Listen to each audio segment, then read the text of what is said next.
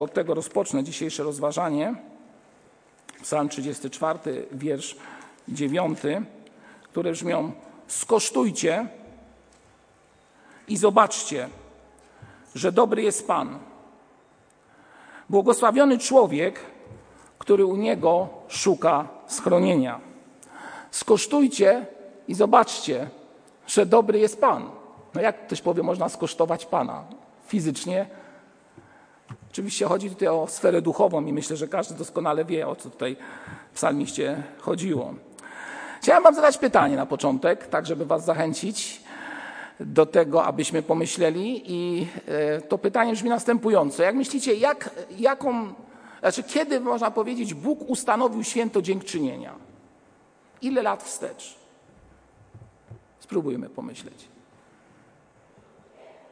Czy w ogóle jest taka informacja w Piśmie Świętym, w którym Bóg e, nakazuje e, swego rodzaju e, czas, specjalny czas dla swojego ludu, aby obchodził coś, co nazywamy dzisiaj świętem dziękczynienia? Oczywiście ktoś powie, że no, nie było jakiegoś takiego konkretnego dnia, ale był taki czas w życiu Izraela, który wchodził do ziemi obiecanej, danej przez Boga, do ziemi, która e, według tego, co tam było mówione, miała opływać mleko i miód, tak ogólnie byśmy powiedzieli, czyli miała po prostu być błogosławieństwem dla nich, tak? Tak już górnolotnie takiej poetyckiej frazy użyłem. I można by powiedzieć, że lud w swoim szczęściu i zadowoleniu w pewnym momencie chciał Bogu podziękować. I muszę wam powiedzieć, że właśnie Pismo Święte w piątej księdze Mojżeszowej w szesnastym rozdziale nawiązuje do tego święta, które obchodził lud, który wstępował do ziemi obiecanej. Księga piąta Mojżeszowa, rozdział 16, wiersze 13 do 15. Rozdział 16, wiersze 13 do 15. Święto szałasów będziesz obchodził przez siedem dni gdy zbierzesz plon ze swego gumna i ze swojej tłoczni, mówi Pan Bóg. Będziesz się weselił w, te, w to swoje święto, ty i twój syn, i twoja córka, i twoje sługi, i twoja służebnica, oraz lewita i obcy przybysz, i sierota i wdowa, którzy są w twoich bramach. Przez siedem dni będziesz świętował na cześć Pana, Boga Twego na miejscu, które Pan wybierze, gdyż błogosławić Cię będzie Pan Bóg Twój we wszystkich Twoich plonach i w każdym dziele Twoich rąk i będziesz prawdziwie radosny. Trzy razy w roku zjawi się każdy mężczyzna spośród Was przed Panem Bogiem na miejscu, które wybierze. Święto Przaśników, święto Tygodni i święto Szałasów, czyli to święto, można by powiedzieć, dziękczynienia. Ile lat? Szybko obliczamy? 3000?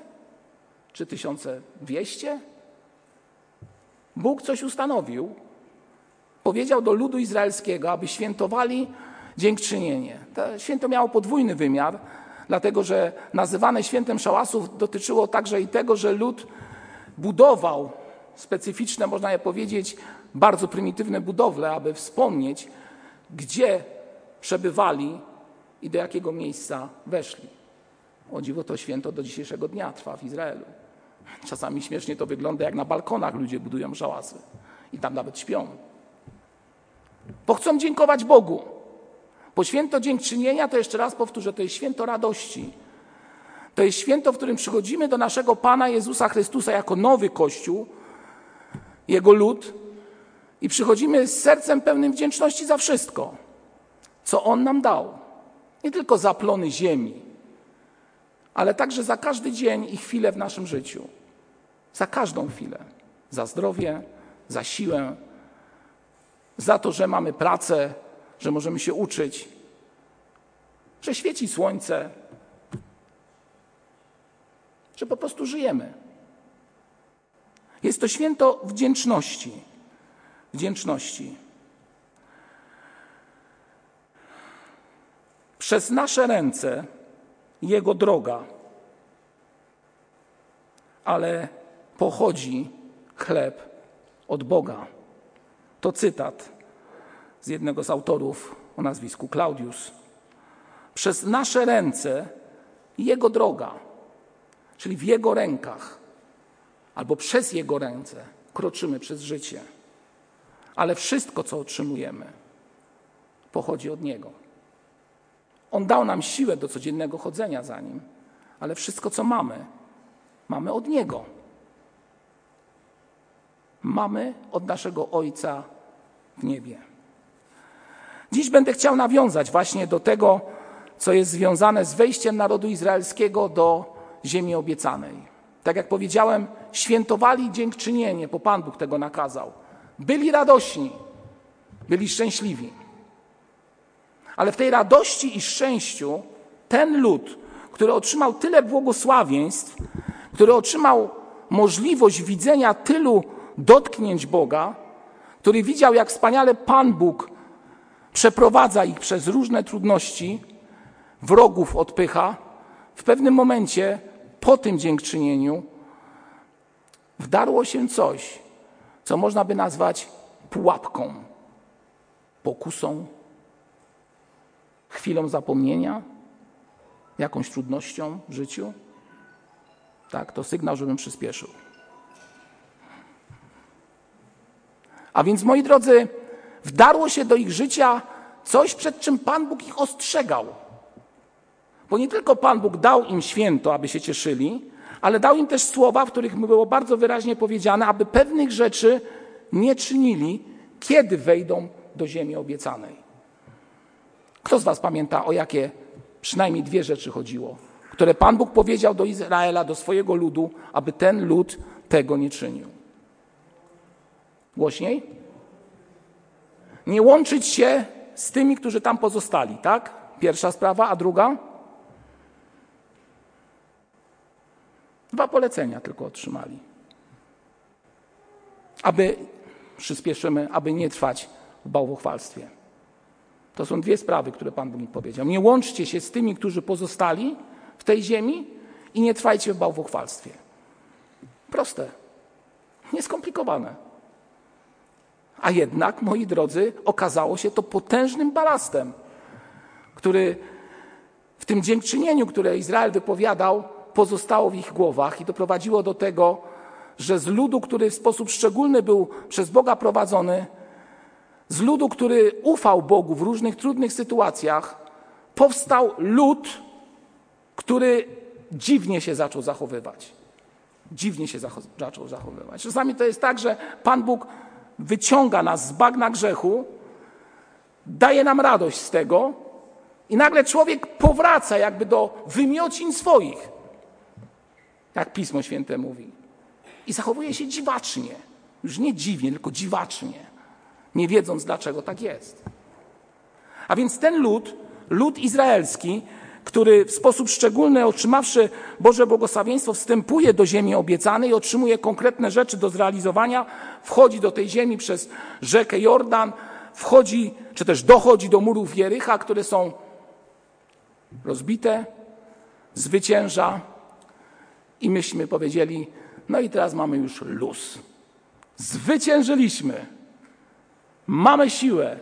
Bóg jest po naszej stronie. To wiecie, jak zawsze Y, najważniejszą rzeczą w każdej armii jest przeświadczenie, uwaga, i to jestem o tym przekonany, nawet w armii ateistycznej, czyli czerwonej, że Bóg jest po naszej stronie. To tam akurat było. A więc Izrael mówił: Bóg jest po naszej stronie. Ale co się stało, że ten Bóg, który był po ich stronie, i myślę, że jest po ich stronie, Zasmucił się. Nakaz, kiedy Izrael wchodził do ziemi obiecanej, był jednoznaczny. Trzeba wszystko, co jest w tej ziemi, wytępić, zgładzić. I wiemy, że już w Jerychu były problemy, bo ktoś sobie coś tam wiedziony ludzkim instynktem zostawił. No i to był już sygnał, że Bogu takie rzeczy się nie podobają.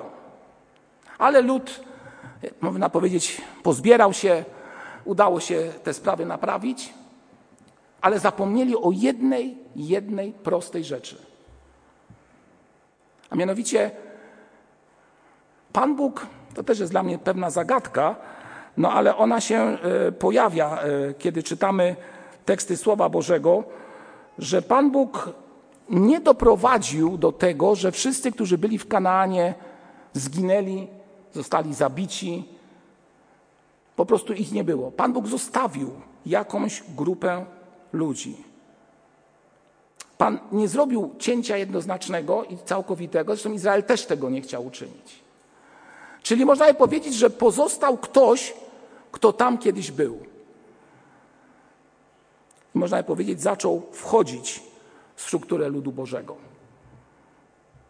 Zaczął wchodzić w to, tą społeczność ludu Bożego. I to doprowadziło do tego, że zaczęły się dziać różne rzeczy. Możemy zadać pytanie, Panie Boże, to jak nas, nas gdzieś prowadzisz, to dlaczego dopuszczasz do tego, żeby pewne rzeczy nie zostały dokończone? Dlaczego? Najlepiej by było, jak Panie coś mówisz przed nami, żeby zrobić, no to daj nam siłę, abyśmy sprawę dokończyli. Ale to jest właśnie to, że Pan Bóg jest nieodgadniony i na przykład czytając Pismo Święte widzimy, że Pan specjalnie, byśmy powiedzieli, dopuścił do tego albo zgodził się na to, tak bym powiedział, chyba zgodził się będzie lepszym określeniem, aby, ten, który, aby część tego ludu, która tam mieszkała, pozostała z nimi. Zgodził się, no bo Izrael zachowywał się tak, jak się zachowywał. Została resztka z tych, którzy zamieszkiwali Kanaan. I co muszę Wam powiedzieć? Ta resztka wpłynęła na tych, którzy mieli taką wielką siłę, że pokonali olbrzymów, o których czytamy w księdze, którzy mieszkali w tamtych terenach. A potem ci, którzy tam pozostali, już nie te wielkie postaci, zabrali się za destrukcję w Izraelu, moi drodzy. Co robimy z resztkami w naszym domu, gdy pozostają, gdy przygotowujemy jakiś posiłek? Co robimy z nimi? Wyrzucamy do śmieci. Przepraszam, segregujemy. Tak? Segregujemy. Tutaj to, tutaj tamto. Co się dzieje, gdy resztki są za długo? Śmierdzi. W domu całkowicie. Kto ma otwartą kuchnię, to tego doświadcza jeszcze bardziej. Ja zawsze tylko wchodzę do mojego domu. Jak te śmieci są za długo, to już wiem, że są za długo, bo moja żona włącza wtedy taki przyrząd, który daje zapach. Inny zapach. I to jest sygnał dla mnie, Budziński wynieś śmieci.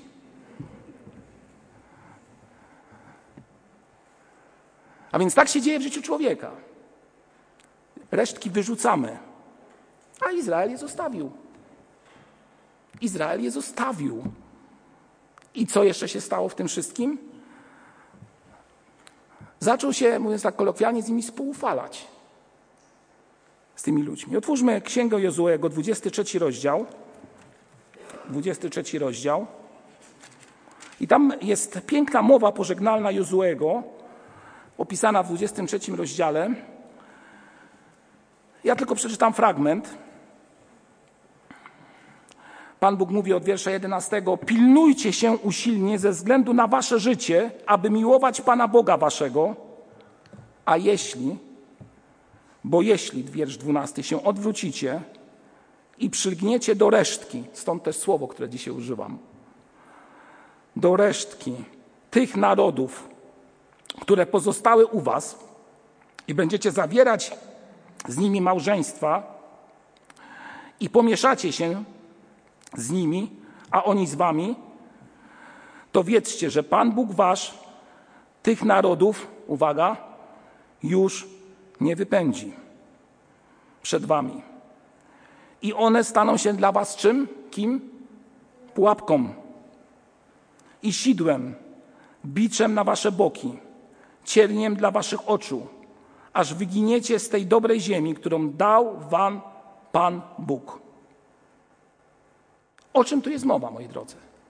To jest mowa o tych, którzy pozostali na ziemi kananejskiej i którzy nie zostali, można powiedzieć, z niej usunięci, takiego terminu użyję. I Pan Bóg już w tym momencie, widząc, że coś może się zdarzyć, przez Jozułego, który w mowie pożegnalnej, a wiemy, że każda mowa pożegnalna, kiedy, tak jak dzisiaj mówiliśmy o pożegnaniu z bratem Adamem, jest czymś ważnym dla każdego z nas, a więc w tej mowie pożegnalnej, którą wygłasza Jozue, mówi on właśnie o tej sprawie. Jeżeli to zrobicie, jeżeli do tego dopuścicie, to użyję takiego słowa, Pan Bóg będzie na to patrzył. Czy da pozwolenie? Będzie się tym brzydził, ale oni już będą z wami. I to jest ta wolna wola człowieka, którą ty i ja posiadamy. Wolna wola, Twój i mój wybór w życiu. Twój i mój, twoja i moja decyzja w życiu. Co z tym zrobić? A więc naród izraelski został ostrzeżony, tak jak tutaj powiedziałem, został ostrzeżony przed tym, aby tego nie robić. I po wielkim święcie radości, święcie dziękczynienia i po ostrzeżeniach, które Pan Bóg dał, a potem przypomniał po raz kolejny, poszedł swoją drogą. Poszedł swoją drogą. Dał na luz. Myślał, że jest tak silny, że Bóg jest po jego stronie, że sobie da radę. Wiecie, czym jest pokusa? Ostatnio słyszałem takie stwierdzenie, właściwie przeczytałem je chyba gdzieś. Wiecie, czym jest pokusa albo jak wygląda pokusa? Kto z Was by potrafił opisać jednym zdaniem słowo pokusa? Spróbujcie teraz, tak na szybko. Pokusa to.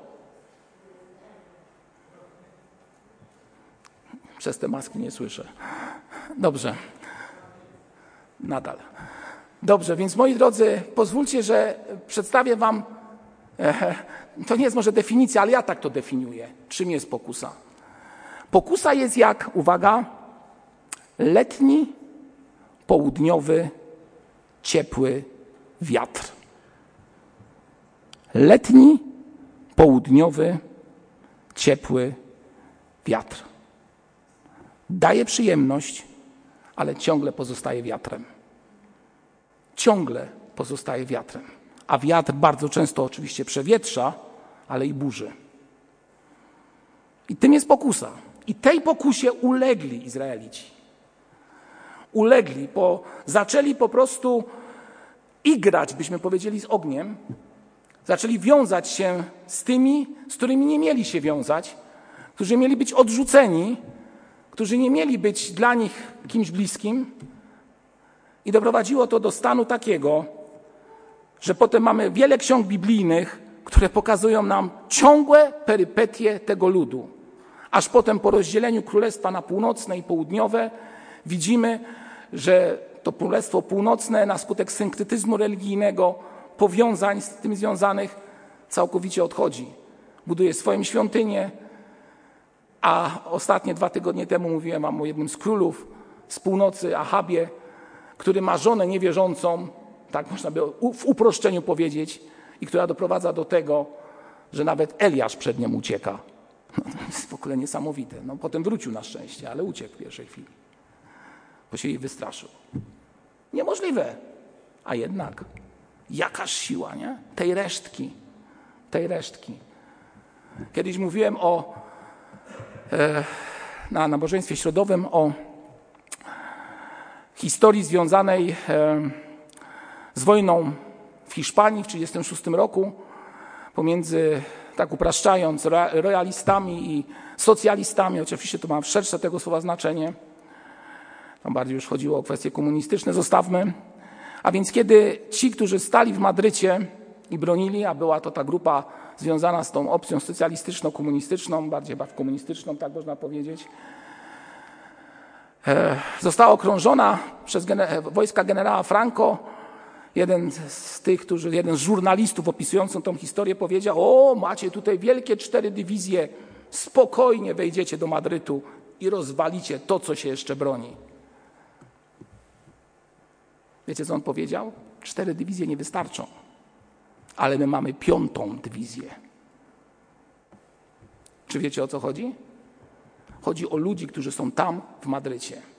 Stąd powstała ta historia, która nazywana jest piątą kolumną, która działa od wewnątrz i niszczy. I to daje prawdziwe zwycięstwo. To jest ta resztka, która jest i niszczy, i zabija. I teraz, żeby przejść do naszej rzeczywistości. Co jest w Twoim i moim życiu tą tak zwaną resztką, którą gdzieś może zachowaliśmy w naszym życiu? Może gdzieś ukryliśmy. Ten tak zwany mały mareczek, który sobie gdzieś tam siedzi i w odpowiednim czasie zaczyna całkiem głośno mówić, domagać się różnych rzeczy, tak dalej, i tak dalej. Co jest resztką w Twoim i moim życiu ze starego życia, ze starych przyzwyczajeń, ze starych nawyków? Możesz powiedzieć: Zwyciężyłem w Panu, nie piję, nie palę, nie przeklinam, nie cudzołożę, nie kradnę, jestem silny, dam radę. Uważaj, uważaj. Izrael też myślał, że jest silny. A jednak ta mała resztka zniszczyła cały organizm tego narodu. I mówiąc kolokwialnie, do dzisiejszego dnia mają problemy. Mają problemy. Ta resztka, ta piąta kolumna, tak bym powiedział, zniszczyła wszystko.